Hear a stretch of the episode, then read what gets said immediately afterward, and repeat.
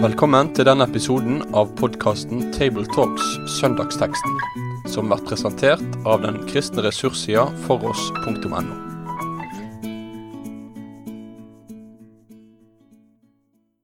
Hjertelig velkommen til en eh, ny episode av eh, Tabletalks, søndagens tekst, der vi samtaler om eh, søndagens tekst. I dag så skal vi snakke om eh, teksten som er for romjulssøndag. Det er 29. desember. Og teksten vi skal lese er fra Matteus 2, vers 13-15. Romjulssøndag det er den, tekst, den søndagen som, eh, som ligger mellom jul og nyttår. Og eh, på romjulssøndag så leser vi ofte tekster eh, knytta til liksom, andre begivenheter i, i julefortellingen, i, eller julefortellingene i, i Bibelen. Og, og, det gjør at vi noen år så leser vi f.eks. Om, om eh, fra Lukas, om Simon og Anna i tempelet. Mens i år så skal vi lese og, om eh, flukten til Egypt fra, fra Matteus kapittel 2. Eh, mitt navn er Knut Kåre Kjerkholm, og med meg så har jeg Toril Slottsvenn Asp. Og Sverre Bø. Og så skal Toril få lese denne teksten fra Matteus 2, vers 13-15. Da de var dratt bort, viste Herrens engel seg for Josef i en drøm og sa, Stå opp, ta med deg barnet og barnets mor, og flykt til Egypt, og bli der til jeg sier fra. For Herodes kommer til å lete etter barnet for å drepe det. Han sto da opp, tok barnet og moren med seg og dro samme natt av sted til Egypt. Der ble han til Herodes var død.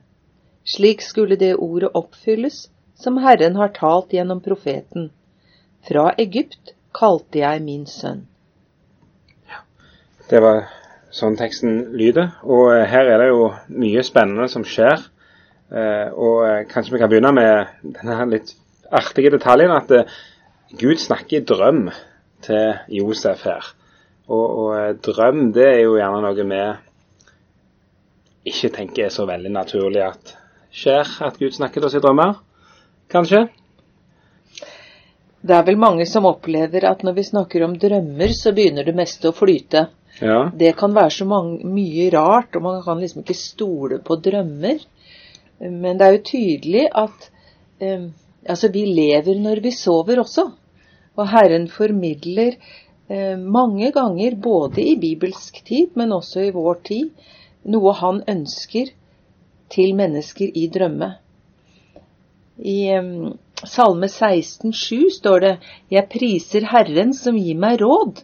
Ja, også om natten får jeg rettledning i mitt indre. Mm. Det kan jo være at man ligger våken og får den rettledningen om natten, men det kan jo også være at man rett og slett får det gjennom drøm. Jeg ble kjent med et menneske for en del år siden som ikke hadde noe særlig kontakt med kristen tro. Men hun, hun var en etnisk norsk kvinne som hadde levd opp her. Og så begynner hun å fortelle meg om en drøm hun hadde hatt. Og hun hadde våkna midt på natta, og det hadde vært veldig sterkt lys i den ene delen av rommet. Og så hører hun en si, jeg husker ikke ordrett åssen det var, men det var omtrent sånn at jeg har betalt for din skyld. Altså For meg var det akkurat som å høre det rett ut fra Bibelen. Um, og det var Var det et syn? Var hun delvis våken? Var det et drømmesyn? Jeg vet ikke helt, men i hvert fall dette at Jesus uh, åpenbarer seg også i drømmer. Og det var tydeligvis uh, at han gjorde det mye for Josef, da, når vi er i den fortellingen her. Mm. For uh, hver gang det var en litt kritisk situasjon rundt dette med Jesu fødsel, så får Josef beskjed om noe i drømmen som gjør at han tar den gode beslutningen som må til for at Jesusbarnet og mor skal vernes. Mm. Jeg har lagt merke til at uh, rundt på bedehus og i menigheter så har jeg gjennom årene truffet faktisk ganske mange som har opplevd store, viktige ting gjennom en drøm eller et syn, og ofte de ikke helt vet å sortere i det. Det er ting de ikke snakker om sånn i utide, at det kan virke så pussig, og kanskje man har hørt advarsler mot å bygge på drømmer og visjoner og ting fra et eget sinnelag, bare. Men i ettertid så står det tilbake som noe godt og riktig, hvor Herren fikk sagt noe som ble et avgjørende vendepunkt for noen, selve det å søke Gud og bli frelst. Eh, etter å ha hørt mye og tenkt og grubla, så var det en natt at plutselig Jesus sto for dem og sa det rett til meg med navns nevnelse. Og så våknet vedkommende og tok en beslutning og har levd etter den. Så at Gud fremdeles er i stand til å henvende seg til oss i søvne, eller gjennom drømmer og andre måter, mm. det vil jeg gjerne være med å, å istemme også. Og det gjør kjempeinntrykk å høre om muslimer i andre deler av verden som møtte Jesus i en drøm, ganske lite glimt kanskje, men nok avgjørende punkt til å søke noen som kjenner veien videre. Og så er de blitt kristne og kan lenge etterpå fortelle om det som et vendepunkt. Da fryder jeg meg over at Gud den allmektige kan bruke også noe som ellers kunne være så mangt. Hmm. Jeg har ikke mye spennende å fortelle fra mitt drømmeliv. Det meste har jeg glemt når jeg våkner. og og kanskje er det også en skepsis bygd inn i meg fra å ha lest Jeremia 23 ganske mange ganger. For der er kampen mellom de falske og de sanne profeter, hvor de falske hele tiden sier 'Jeg har drømt, jeg har drømt, jeg har drømt'. Og så svarer Gud gjennom Jeremia at det er jo utmerket. Fortell drømmene dine, men ikke bland det med det som er Herrens ord. Så der var det en konflikt mellom det hva faktisk Gud hadde sagt, og deres egne drømmer og visjoner. Noen ganger kan det være en problemstilling, men kanskje det er mange babyer som er kasta ut med badevannet. Mm. Som om ikke Gud faktisk også kan henvende seg til oss på den måten. Og det er jo denne teksten et fantastisk eksempel på. Og hele vår frelser ble jo menneskelig sett reddet ifra undergangen gjennom at noen hadde en drøm og hørte Herrens stemme og tok affære ut ifra det. Men jeg har lyst til å bare si en, en liten ting om drømmer som, Ehm, eh, som kan være et lite varsko, noe man bør være oppmerksom på hvis man skal begynne å åpne seg litt for hva drømmene inneholder.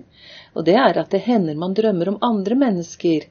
At de blir utsatt for en ulykke, eller at de dør, eller et eller annet. Og så tror man umiddelbart at dette er et budskap jeg har drømt for et annet menneske, og så går man kanskje og reagerer ut fra det overfor det andre mennesket. Eh, Selvsagt kan Gud også gi en sånn beskjed, men akkurat der tror jeg man skal være veldig observant. fordi at som regel drømmer vi ikke om andre mennesker. De er som regel symboler på de prosessene som skjer i våre egne liv. Så, så da tenker jeg en varseltrekant når vi drømmer om hva som skal skje med andre mennesker. Mm. Så kan vi ta med oss uh, det som står i apostelgjerningene 2, eller Joel-profetien, som uh, siteres der, om, eh, nettopp om drømmer som en del av det som skal fylle når Ånden utgytes til, til, alle mennesker. Så det, det, er et moment i Bibelen eh, som er med, og, og som vi snakker lite om, men, men som finnes. Og, og, vi har altså en tekst som eh, helt klart gjør det. Og, og du Toril pekte også på den litt artige detaljen at eh, bli Egypt til jeg sier fra, sier Herren i drømmen. og Da ligger det gjerne i kortene at det kommer en drøm til. Og det gjør det jo. Og, og du Sverre, du eh, la merke til parallellene her i de to avsnittene. Ja, for like etter den eh, teksten vi har lest så fortelles det om at da Herodes siden var død, så viste Herren seg i en drøm for Josef, eller Herrens engel, i en drøm for Josef. Og så er det formulert helt likt. Mm. Stå opp, ta med deg barnet og barnets mor. Og denne gangen skulle de dra tilbake til Israels land. Forrige gang skulle de bli politiske flyktninger til Afrika. Mm. Er ikke det spennende å bruke litt moderne ord på det? Mm. Jesus ble politisk flyktning og måtte søke politisk asyl i Afrika fordi han og familien var forfulgt av en despot, av en konge. Og så fikk de faktisk asyl. Sånn I det store historiske bildet så er jo det grensen mellom Asia og Afrika. Det går jo mellom Israel og da Egypt. Mm. Og eh, den strømmen av hundretusener av jøder som i de par-tre hundre årene fram til Jesu fødsel flyktet til Egypt. Den har satt mange mm. viktige spor. Heldigvis så vet vi mye spennende om det, fordi det var en meget skrivefør jøde som het Filo, som bodde i Alexandria, og som har skrevet en mengde bøker på godt gresk som forteller om jødenes tro, og som forteller om hvordan det var å være jøde i Egypt. Og Det er jo en forferdelig historie om jødeforfølgelser og antisemittisme, og hvordan de forgjeves appellerte til keiseren i Roma. Eh, appellerte til menneskerettighetene de mente de skulle ha. For jødene var jo dyktige mennesker som keiseren gjerne ville ha rundt i sitt rike fordi de skapte store verdier. Driftige, flittige mennesker, men likevel ofte led overlast da fra nabolandene. Så egentlig så vet vi veldig mye om den flyktningestrømmen og migrasjonsstrømmen som var fra Israel til Egypt i de der par århundrene fram Mm. til Jesu tid. Og Jesus blir én i den migrasjonsstrømmen, som fikk asyl, og som fikk beskyttelsen han trengte. Og da er vi jo tilbake i eh, Ja, altså vi, vi, Det er jo flere ting som dukker opp. Det ene er jo rett og slett bare den her Hvordan Jesus må det si, gjennomleve Israels historie, nesten. Altså han, han eh, På samme måte som Israel måtte tok tilflukt i Egypt fra nød i sitt hjemland, og senere reiste opp igjen, så er Jesus det, og det er jo det òg denne profetien som vi skal komme tilbake til, som siteres her, òg spiller på. Eh, så det er jo én side av saken. Og så har du, den andre sida, som er nettopp der, for å spinne litt videre på dette med flyktningeproblematikk og de tingene der. at det, det, det å liksom merke seg, det, det er jo utrolig spennende at Jesus han, han har prøvd i alt, som hebreerbrevet sier, og han har også faktisk da prøvd i det å være flyktning.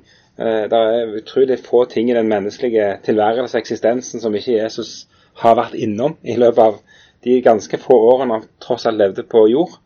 Eh, og, ble altså da eh, fremmed, forfulgt, flykta. Eh, Riktignok sikkert ikke visst så veldig mye om alt som foregikk rundt seg, men, men likevel. Eh, og har bodd noen år i Egypt. Og, og i Egypt så er det jo ganske rike tradisjoner eh, knytta til det.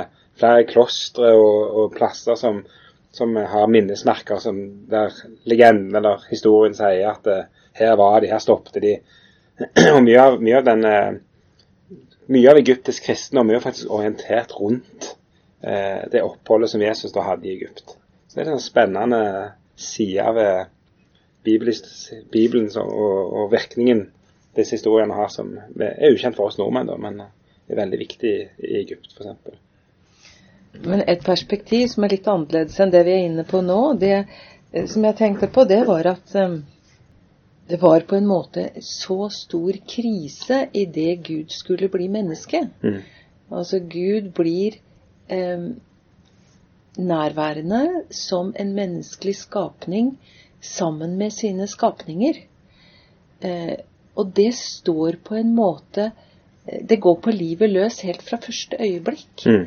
Så jeg tenker at Gud er i spedbarnet Jesus, og så er han samtidig utenfor for å verne at det hele går bra. Eh, For her er det jo Det er jo truende um, fra første øyeblikk. Altså det er ikke eh, Kanskje ikke truende sånn fare, men eh, de fikk jo heller ikke noe sted å være når han skulle fødes.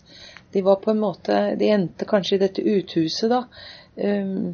Og så og så går det videre, og så kommer disse vismennene, og så blir det eh, rett og slett fare på ferde.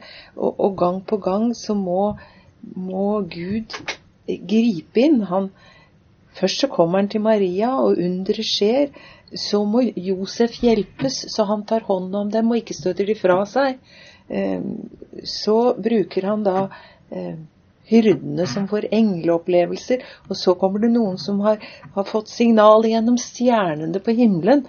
Og så blir det en drøm igjen for å redde dem. Så jeg føler at Gud Jeg holdt på å si Gud har det travelt. For han må holde på å verne dette. Så det går bra, da, med gåseøyne.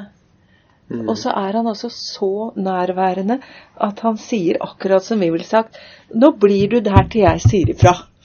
Mm. Så menneskelig nær og så tydelig på en måte at du skal forholde deg til de instruksjonene du får fra meg, som faktisk er Gud.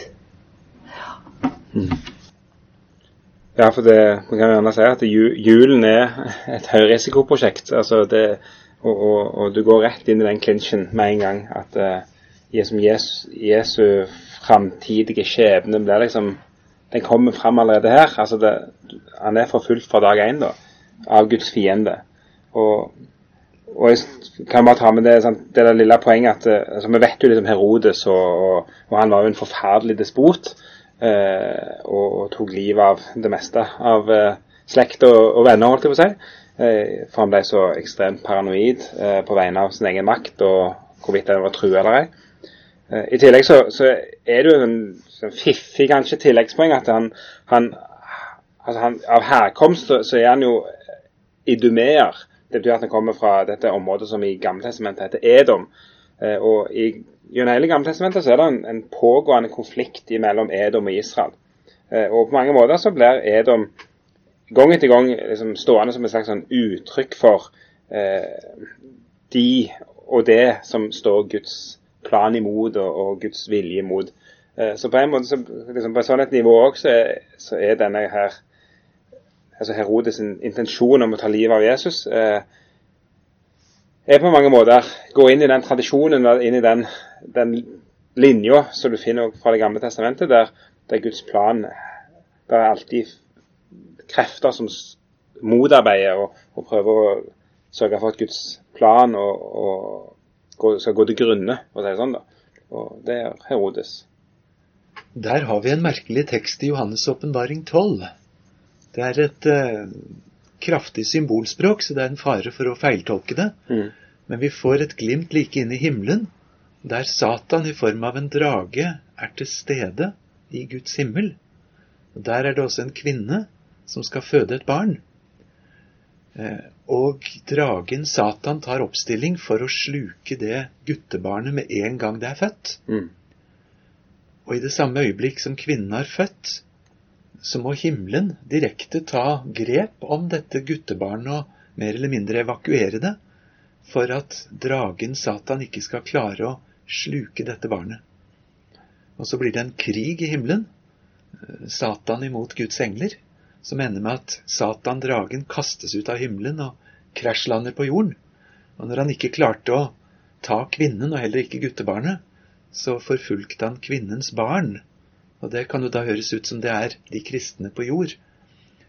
Men det er en sånn veldig dramatisert situasjon der en kvinne føder et guttebarn som himmelen må skjerme ved å evakuere, som ligner veldig på den bokstavelige historien vi er midt oppi her.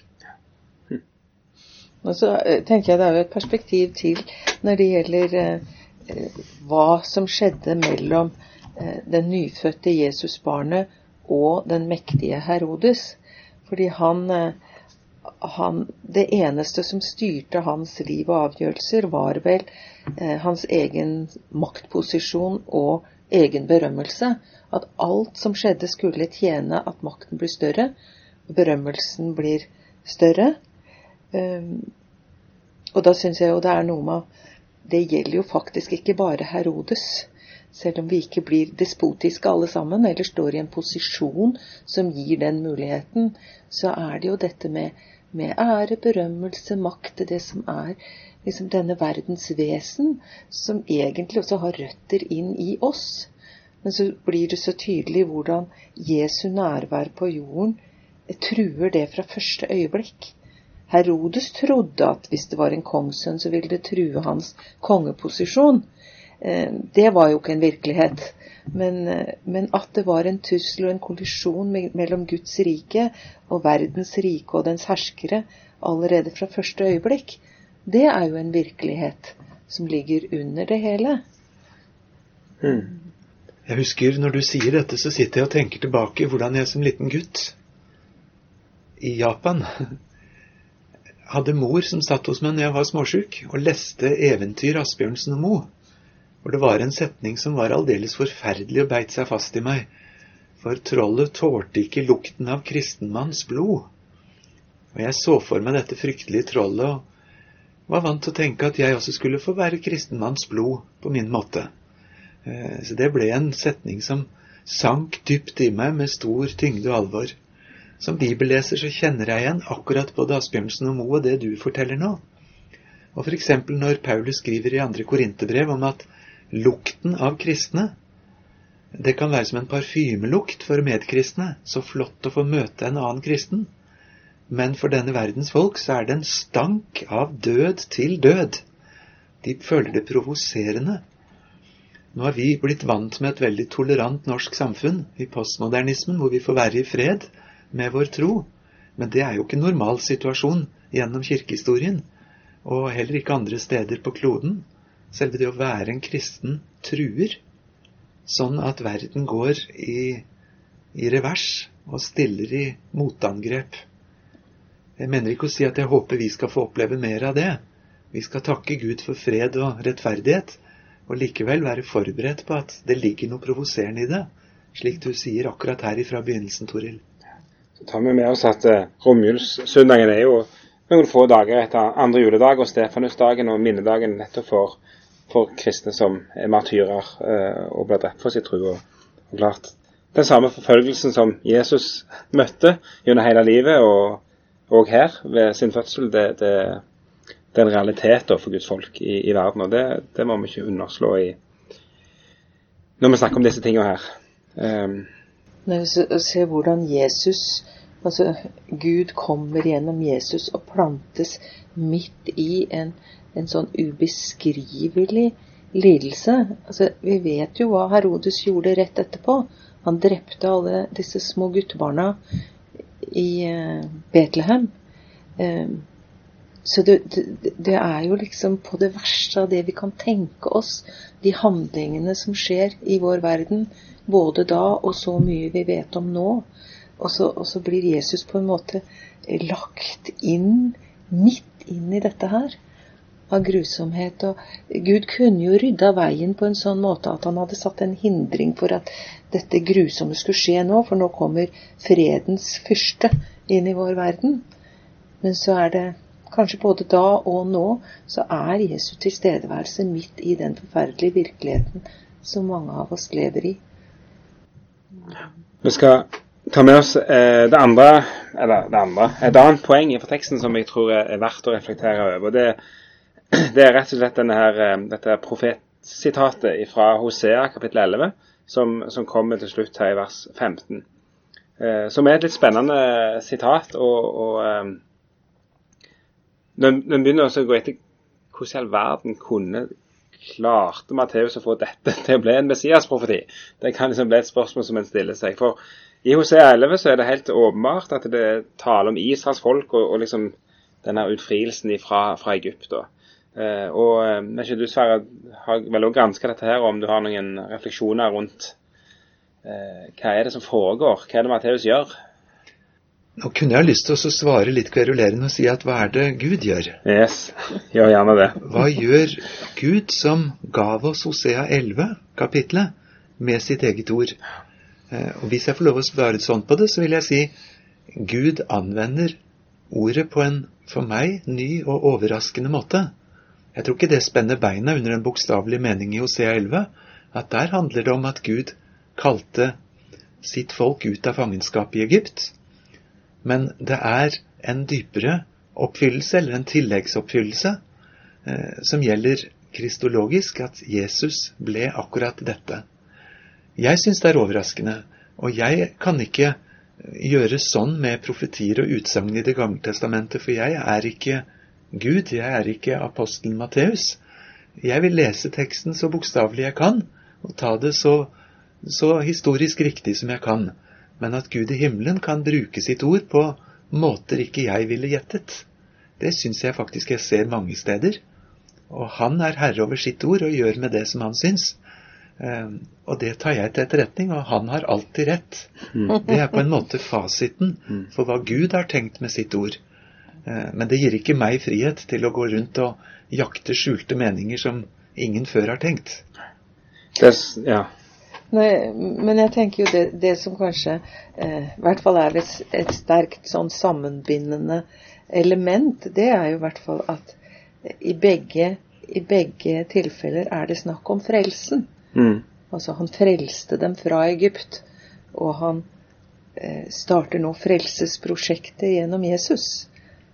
Så det henger i hvert fall tett sammen. Og jeg syns jo det er sterkt, og, og, referansen til Hosea, hvor det er en så dyp kjærlighet vi får se i Guds hjerte. Mm.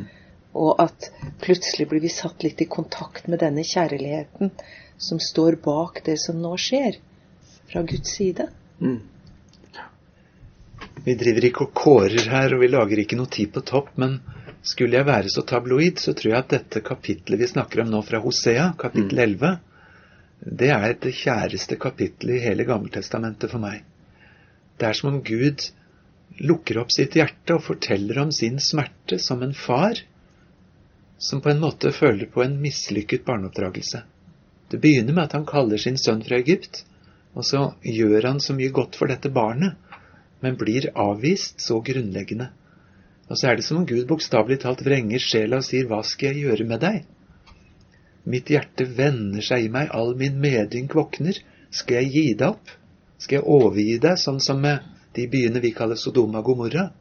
Nei, jeg er den hellige og ikke et menneske, og derfor så kommer han med kjærlighet til sitt folk.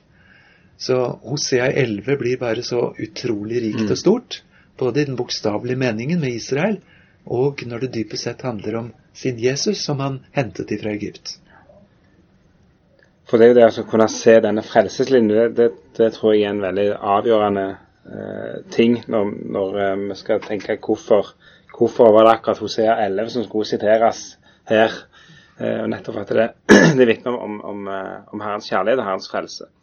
Eh, og så er det jo en sånn spennende som i hvert fall jeg har møtt på litt i bibelforskningen, at eh, mange fortolkere peker på at liksom, det her med det, det, med at Jesus oppfyller la oss si, Israel eh, sitt kall i Det gamle testamentet, skal være et lys for folkeslagene, skal være eh, Guds eh, liksom, folk og alt det der, at det, det er jo et prosjekt som Israel på en måte aldri kom i mål med i det hele tatt i Det gamle testamentet. Og så sender nå Gud Jesus, som trer inn og, og, gjør disse tingene som Israel var kalt til å gjøre. og så, så får vi liksom bli en del av han vi får være i Kristus, og da er vi plutselig en del av dette folket som han har la oss si, levd livet på vegne av. Da, at vi, vi, på den måten gjerne kan finne sånn antydningsvis liksom en, en, en visjon her av, eh, av, av det å få være en del av, av, Jesus og som en representant for hvordan folket til Gud egentlig skulle være. La oss si på den måten da. Eh, og at det kan være en sånn tilleggsforståelse eller en, en sånn klangbånd som, som den teksten har med seg. Og det er jo spennende at han bare sier den ene setningen. Mm. For vi vet jo mye om hva som står i Hosea 11. Og så sier han bare fra, fra Egypt kalte jeg min sønn. Eh, og da venter vi at da kan han jo fortsette å legge ut mm. eh, om sin sønn og det du sier nå, mm. perspektivene. Men han stopper bare der. Men dermed setter han jo i gang assosiasjonene våre. Mm. Ikke sant. Veldig fint. Vi må faktisk eh, Tida går fort. Vi må begynne å å, å rulle sammen. Eh, og eh, da igjen, eh, dette er en tekst med mm, hvor, hvor en kan se på forskjellige ting. og ikke Sverre, Hvis du skulle prekt over teksten, eller skal prege over den, er det noen ting du på en særlig måte har lyst til å lufte fram? Når du spør sånn, så burde jeg jo svare at jeg ville gjerne ha snakket om Jesus. Og Likevel så er det en annen tanke som også jeg tror er bibelsk viktig, og det er at akkurat som Jesus kom til jord og ble en flyktning, en fremmed, så står det ganske mye om det, særlig i hebreerne og første Peter, at enhver kristen er en fremmed og en utlending. Og vi har egentlig ikke noe tilhold. Det er tanker som noen syns er provoserende, fordi at det kan høres ut som ikke vi bryr oss om nabolaget der vi skal være, og at vi flykter og evakuerer eskapister bort ifra der vi er satt til å være. Og jeg ser den faren og har ikke lyst til å gå i den fella. Men en påminnelse om at vi er også dypest sett pilegrimer.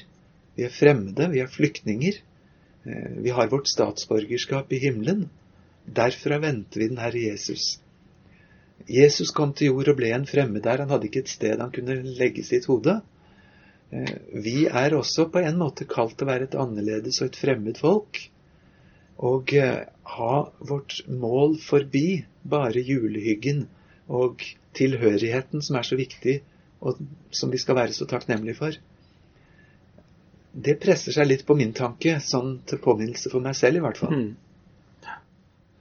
Ja, akkurat nå så, så, var det en tanke som kom til meg som, eh, som jeg kjente ble veldig inspirerende, og det var å også bruke litt tid på denne lille familien.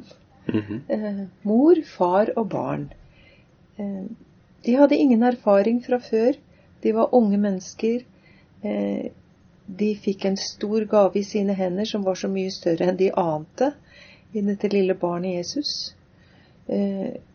Og så er de avhengige av at Herren veileder dem, avhengige av Herrens nærhet, for at de skal kunne liksom gå skritt for skritt inn i denne tøffe, utfordrende verden de var en del av. Eh, så denne lille familien, også Herrens omsorg for dem, og likevel tør Herren å kaste dem inn i ganske tøffe ting. Det var sikkert ikke Det ser ut som han bare sto opp, og så begynte de å gå til Egypt, og dermed var det i orden. Det var langt. Mm. Sånn at han, han kasta dem jo ut i både noe som var en redning, og også som var fryktelig krevende for dem.